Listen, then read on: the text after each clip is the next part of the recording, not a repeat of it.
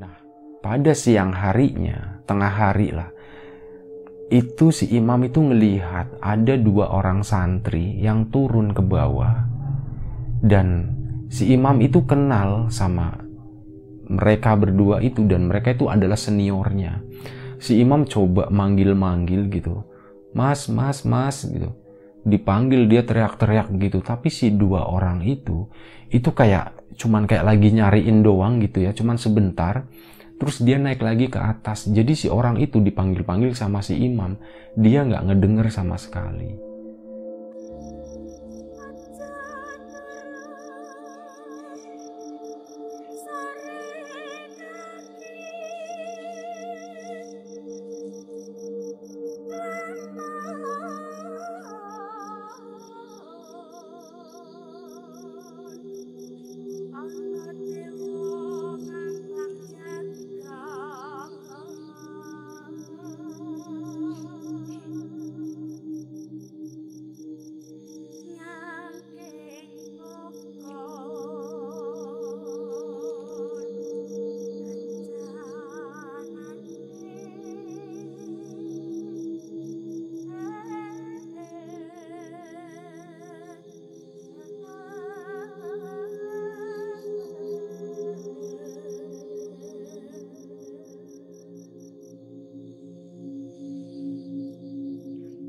Ada satu cerita yang gue dapet dari adik sepupu.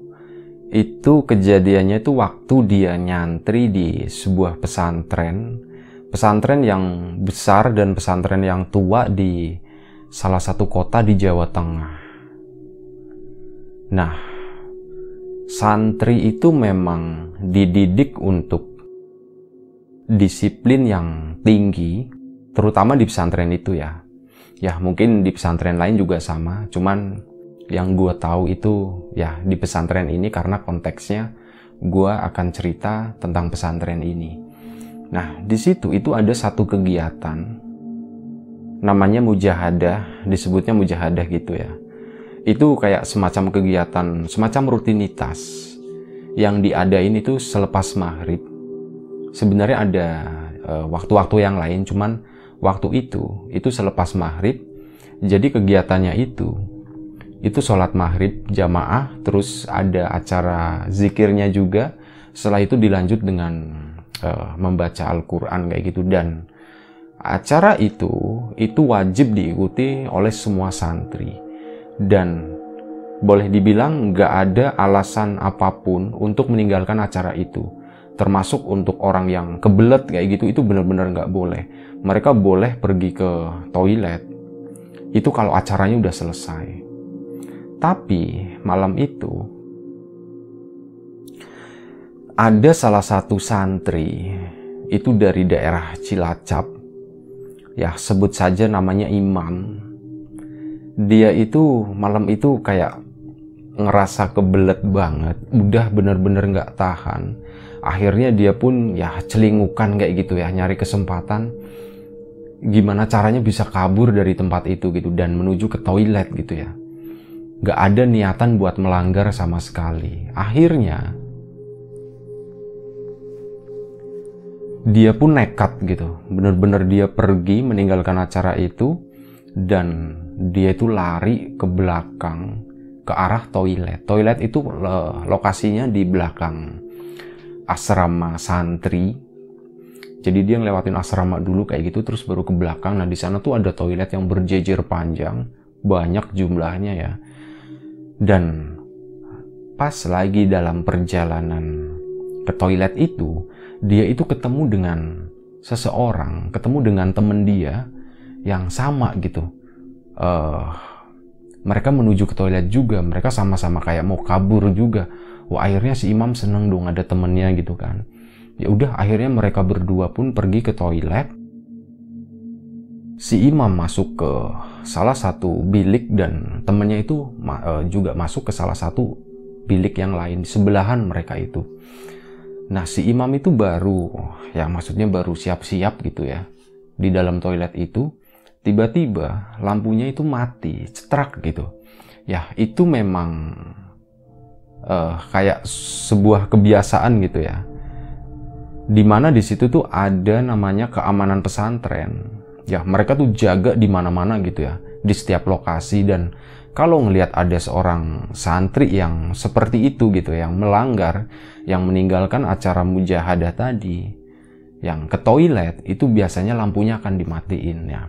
Boleh dibilang itu ya itulah dari keamanan pesantren, itu yang mematikan lampu tadi. Wah si imam di dalam panik gitu kan. Aduh ketahuan gitu kan. Mana udah gelap banget lagi. Nah waktu itu dia belum sempet uh, apa namanya belum sempet ini ya buang air gitu ya. Tiba-tiba dia tuh kayak ada yang ngetok dari pintunya itu dari luar pintu ada yang ngetok gitu. Mam, mam, mam, buruan mam keluar, keluar kayak gitu. Nah itu suara temennya tadi akhirnya si imam pun keluar dipakai lagi gitu kan. Keluar ya karena dia takut karena dia panik dia keluar pintu terus mereka berdua uh, itu si imam tangannya ditarik sama temennya itu mam ke belakang aja yuk ke belakang gitu. Kita ke kolam katanya. Nah akhirnya mereka pun ke belakang menuju arah, arah kolam yang lokasinya agak menurun gitu ya di belakang toilet itu mereka harus jalan lewatin kayak kebun dulu terus uh, turun. Nah di situlah ada kolam. Kolam itu adalah kolam pemandian umum yang biasa dipakai santri untuk mandi. Itu bener-bener kayak kolam renang. Kolam renang yang ukurannya cukup besar. Ya di mana di situ kalau pagi dan sore itu dipakai santri buat mandi. Kayak mandi bareng lah, mandi bersama itu di situ. Nah, mereka turun ke arah kolam sana. Mereka berdua duduk ya, sempat duduk di salah satu pojokan di kolam itu. Ya, mereka tuh ngobrol-ngobrol, bukan ngobrol sih, mereka tuh duduk di sana. Si imam itu ngajakin ngomong temennya, tapi temennya itu cuma diem aja dari tadi. Bener-bener aneh sikap temennya itu saat ditanya-tanya dia cuma diem aja dan tatapannya tuh kayak menatap kosong ke uh, ke arah depan dia sampai si imam itu bingung gitu ya. Kok iki tak jak ngomong kok menengai ngono. Kamu kok kamu kok uh, aku ajak ngomong kok cuma diem aja sih nah si temennya itu sorry. Si temennya itu diajak ngomong kayak gitu, dia masih diam seribu bahasa dan hal itu tuh terjadi mungkin sekitar 15 atau 20 ya setengah jam lah kayak gitu. Itu bener-bener lama banget si imam itu kayak jadi bingung sendiri. Ini di sini nggak ngapa-ngapain, mana udah ngelanggar aturan, ketahuan lagi. Sementara di kolam itu mereka cuman berdua, temennya cuman bengong doang kayak orang aneh cuman ngeliatin kosong di depan mata dia yang di sana itu adalah kebun gitu. Sampai akhirnya setelah beberapa saat ya udah cukup lama itu tadi temannya itu tiba-tiba, "Mam, kowe tak tinggal sih yo gitu. Kamu aku tinggal dulu ya," kata temennya itu. Ya, si Imam, ya aku harap harap ngendi, you know. Wis dia cuman temennya tuh cuman wish gitu doang udah gitu aja kayak intinya udahlah jangan banyak nanya gitu nah akhirnya si temennya itu dia ninggalin si imam di situ dia pergi dan karena gelap ya udah hilang gitu aja. Nah si imam itu di situ sendirian. Benar-benar ditinggal sendirian. Nggak ada siapa-siapa. Ya dia kayak udah ngerasa takut. Kalau mau naik ke atas nanti ketahuan dihukum. Akhirnya dia pun nungguin terus di situ nungguin temennya pulang. Itu ditungguin di situ itu sampai imam itu ketiduran di situ. Dan dia bangun-bangun itu udah hampir pagi ya udah kayak hampir sorry sorry. Itu kayak udah hari itu udah hampir terang. Wah dia langsung ini kan apa namanya kaget gitu. Astagfirullahaladzim telat sholat subuh gitu. Tapi lagi-lagi gitu dia itu bingung gitu. Loh kok sepi banget ya? Kayak nggak ada orang kayak nggak ada kehidupan. Dia coba ngelongok ngeliat ke atas gitu kan. Sama gitu di atas juga gelap nggak ada apa pun nggak ada suara apa pun biasanya jam segitu bahkan dari sebelum subuh itu tuh udah rame udah kedengeran suara gemuruh orang, gemuruh santri gitu ya. Tapi pagi itu, itu benar-benar sepi banget. Nggak ada suara apa pun gitu, cuman bener-bener hening banget. Kayak imam tuh bener-bener satu-satunya makhluk yang hidup di situ. Gitu. Nah, dia akhirnya udah dia ambil wudhu gitu kan di kolam ya, ngambil di kolam. Dia wudhu di situ, dia pun akhirnya sholat sendirian di situ. Dia nggak berani ke atas karena itu tadi. Karena dia udah melanggar dia ya agak takut ya. Karena waktu itu imam itu boleh dibilang usianya tuh masih ya masih relatif muda lah. Dia masih ya bener-bener takut dengan itulah dengan hukuman kayak gitu.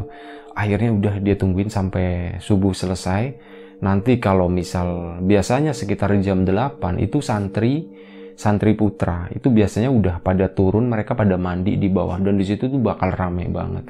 Nah pikir imam seperti itu. Nanti ya pas udah rame dia naik barengnya naik ke atasnya itu bareng-bareng sama temen-temennya yang lain. Ditungguin sampai udah terang sampai udah mulai panas kayak gitu. Kok nggak ada siapa-siapa ya yang datang ya tapi di situ katanya sih nggak sepanas kayak di dunia yang biasa imam kenal. Pagi itu kayak suasananya tuh kayak mendung kayak gitu. Tapi si imam tahu, wah ini udah lama banget nih pasti harusnya teman-temannya itu udah turun ke bawah gitu. Tapi ini kok sepi, nggak ada siapa pun yang datang. Ya lagi-lagi si imam tetap memilih untuk nggak meninggalkan tempat itu karena dia takut. Dia tetap nungguin di situ sama temennya yang semalam. Itu kenapa dia nggak balik-balik lagi ke situ gitu. Itu di situ imam udah bener-bener kayak bingung. Dia juga udah mulai agak ketakutan kayak gitu. Dan si imam itu berharap gitu ya. Sore datang gitu dan dia pun nungguin sampai sore itu biasanya sekitar jam 4 atau habis selepas asar gitu ya. Itu santri juga pada turun banyak yang turun buat mandi di situ. Ditungguin nyampe sore itu sama. Nggak ada satu orang pun yang datang sampai bener-bener si imam itu pasrah dia udah ketakutan. Dia itu udah udah balik aja deh gitu dia mau naik ke atas gitu ya. Tapi saat dia berusaha maju ke depan menuju tangga ya itu kan turunan gitu. Nah dia tuh mau naik ke atas itu tiba-tiba entah kenapa si imam itu naikin tangga tapi tangganya tuh nggak habis-habis. Jadi ada lagi ada lagi ada lagi. Itu sampai benar-benar imam tuh kayak ngerasa udah capek banget.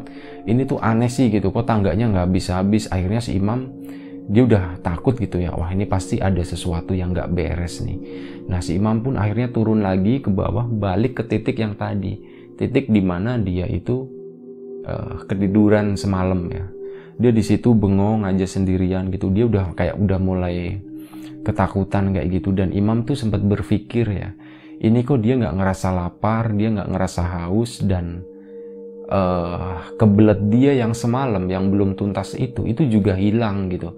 Itu benar-benar kayak perasaan yang aneh. Dan apa ya imam tuh kayak udah sadar gitu ya kalau ini tuh kayaknya bukan ini deh kayaknya ini bukan alam dia dia kayak udah dibawa ke suatu alam yang ya boleh dibilang kayak dimensi lain lah kayak gitu. Nah akhirnya dia tetap nunggu di situ. Dia pun ketiduran lagi dan entahlah jam berapa ya karena waktu itu nggak ada jam yang jelas udah malam aja. Hari udah bener-bener gelap. Itu tiba-tiba si imam itu dibangunin sama satu sosok sosok itu tuh pakai baju Jawa, baju Jawa yang kayak formal kayak gitu. Bajunya rapi, uh, pakai belangkon, seorang pria ya. Dan dia ngebangunin imam, si imamnya kan bangun gitu kan, astagfirullahaladzim, njeh gitu. Nopo mas gitu, nopo pak gitu. Nah si pria tadi, si bapak-bapak itu tadi, itu cuman bilang, kowe iki bakal ning kene sateruse. Kamu tuh bakal di sini seterusnya. Kamu akan jadi penunggu sini, penunggu kolam ini itu selamanya. Gak ada yang bakal nemuin kamu. kayak gitu terus udah si pria itu tadi balik lagi putar badan dan ngilang bes wah si imam ngedenger kayak gitu itu dia kayak ngerasa benar-benar ketakutan seluruh badan dia tuh menggigil gitu ya. Gue merinding semua. Dia benar-benar ketakutan di situ. Dia akhirnya kayak duduk cuman duduk doang di pojokan gitu. Yang tadinya posisi dia ketiduran posisi dia tiduran gitu dia bangun dan dia duduk di pojokan itu kayak ya intinya takut gitulah. Dia tuh ketakutan yang banget banget banget ya. Sampai akhirnya dia tuh posisinya kan nunduk kayak gini ya dia pun balik lagi ketiduran nah itu dia bangun-bangun itu pagi. Dan dia udah kelewat sholat subuh. Waktu itu udah terang kayak gitu. Lagi-lagi dia nungguin gitu. Berharap ada santri yang mau datang ke situ. Tapi ditungguin sampai terang, itu nggak ada satupun yang datang. Sampai akhirnya, kira-kira tengah hari, dan waktu itu kondisinya tuh masih mendung ya. Seolah-olah mendung gitu. Nah, pada siang harinya, tengah hari lah, itu si imam itu ngelihat ada dua orang santri yang turun ke bawah.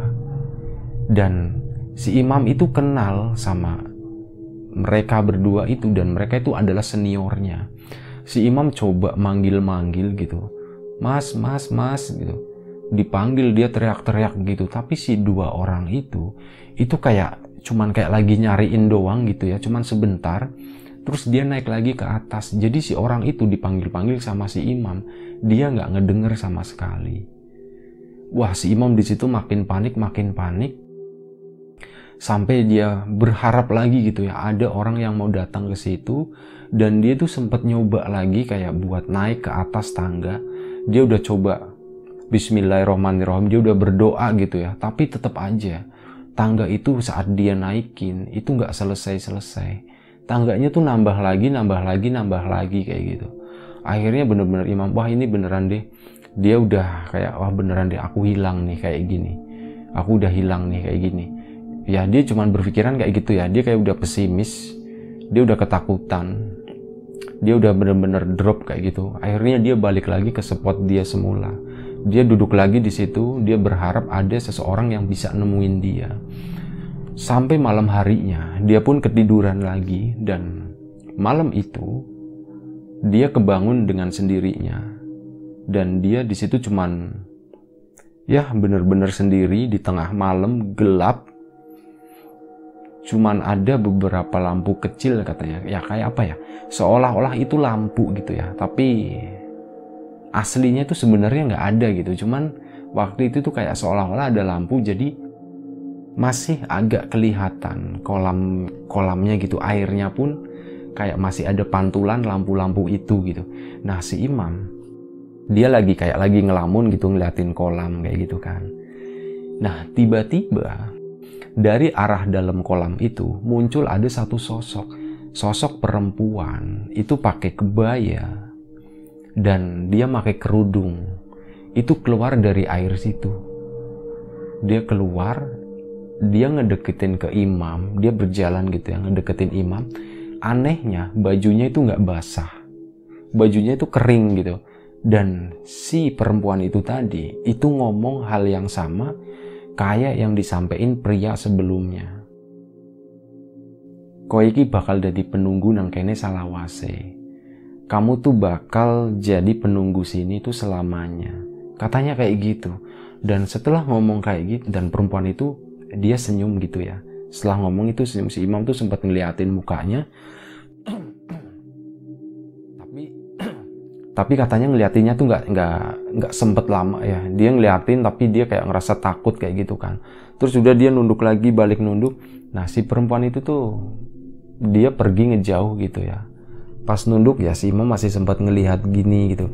Itu perempuan itu jalan ngejauh dan masuk lagi ke dalam air slep udah hilang.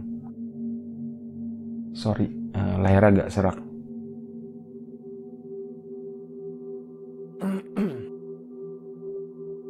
Nah, malam itu setelah didatengin sosok perempuan, si Mam pun balik lagi jatuh, uh, balik lagi ketiduran di sana. Dia ketiduran, bangun pagi, sama uh, sama dengan apa yang dialami hari sebelumnya di sana benar-benar sepi, nggak ada siapa pun yang datang. Kalau hari sebelumnya kan masih mending, ada dua orang yang kayak seolah-olah lagi nyariin dia. Dia teriak-teriak, tapi si orang itu tuh nggak ngedenger. Hari ketiga, itu benar-benar sepi banget, nggak ada siapa pun.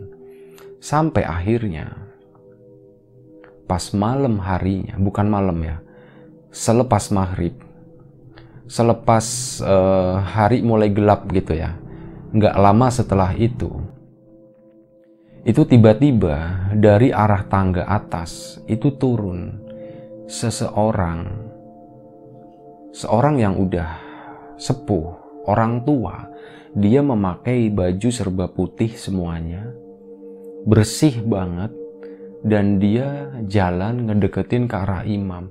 Imam itu kenal dengan sosok itu. Itu adalah sosok Pak Kiai. Pak Kiai salah satu petinggi di pesantren itu. Nah sosok itu tuh ngedeket ke arah imam. Si imam langsung bangun gitu kan. Dia langsung salim gitu. Pas udah deket banget, langsung diambil tangannya, dia salim gitu. Pak Yai katanya kayak gitu kata si imam. Assalamualaikum Pak Yai katanya. Waalaikumsalam.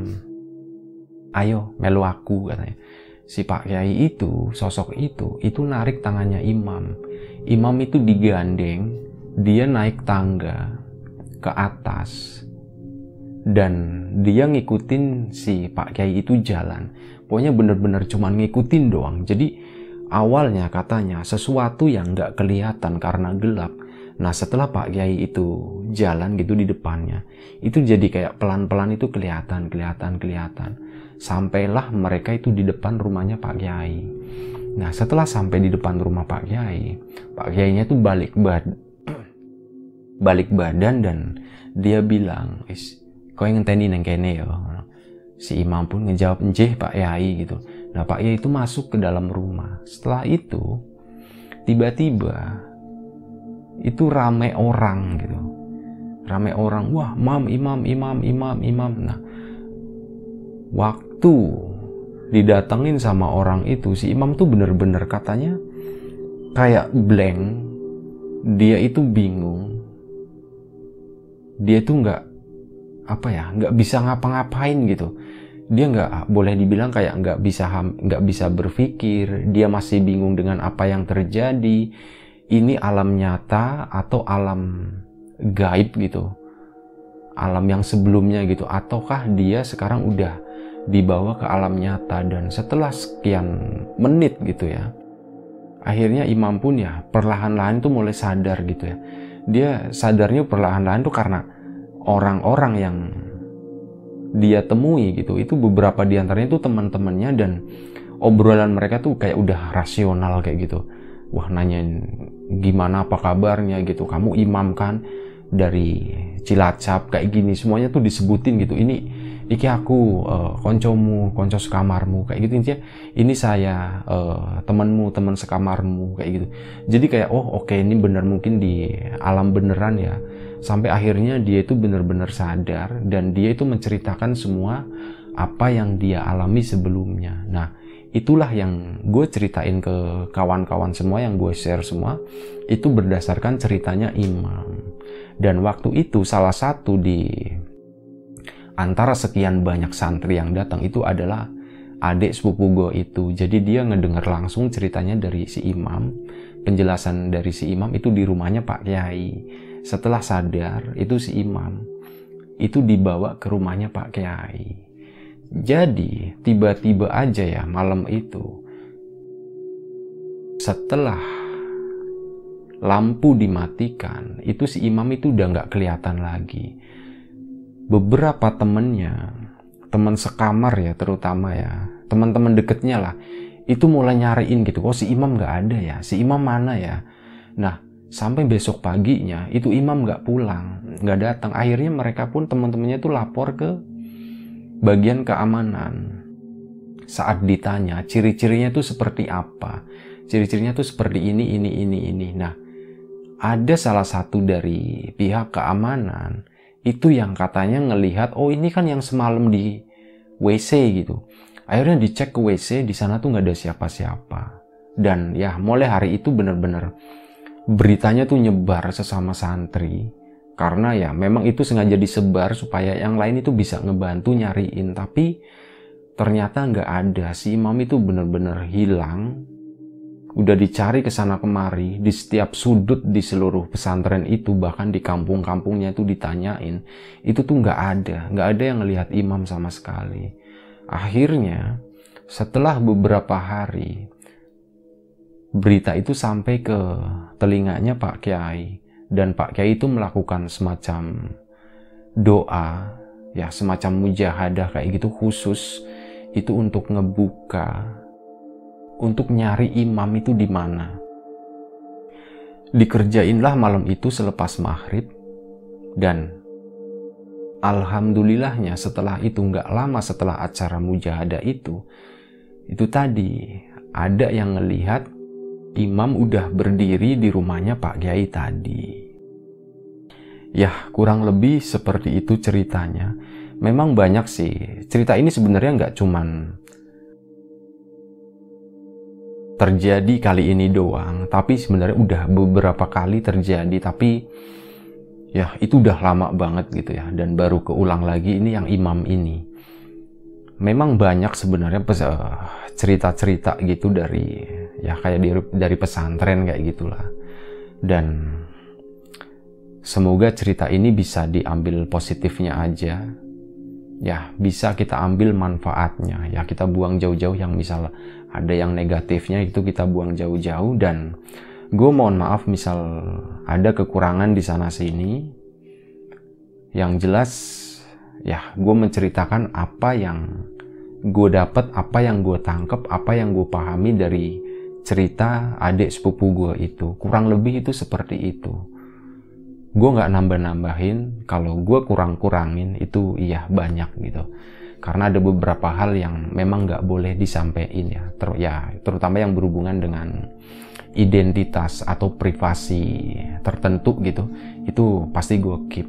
Nah terima kasih buat kawan-kawan yang udah mau nonton udah mau dengerin ceritanya Semoga cerita ini menghibur, semoga cerita ini bisa diambil sisi positifnya.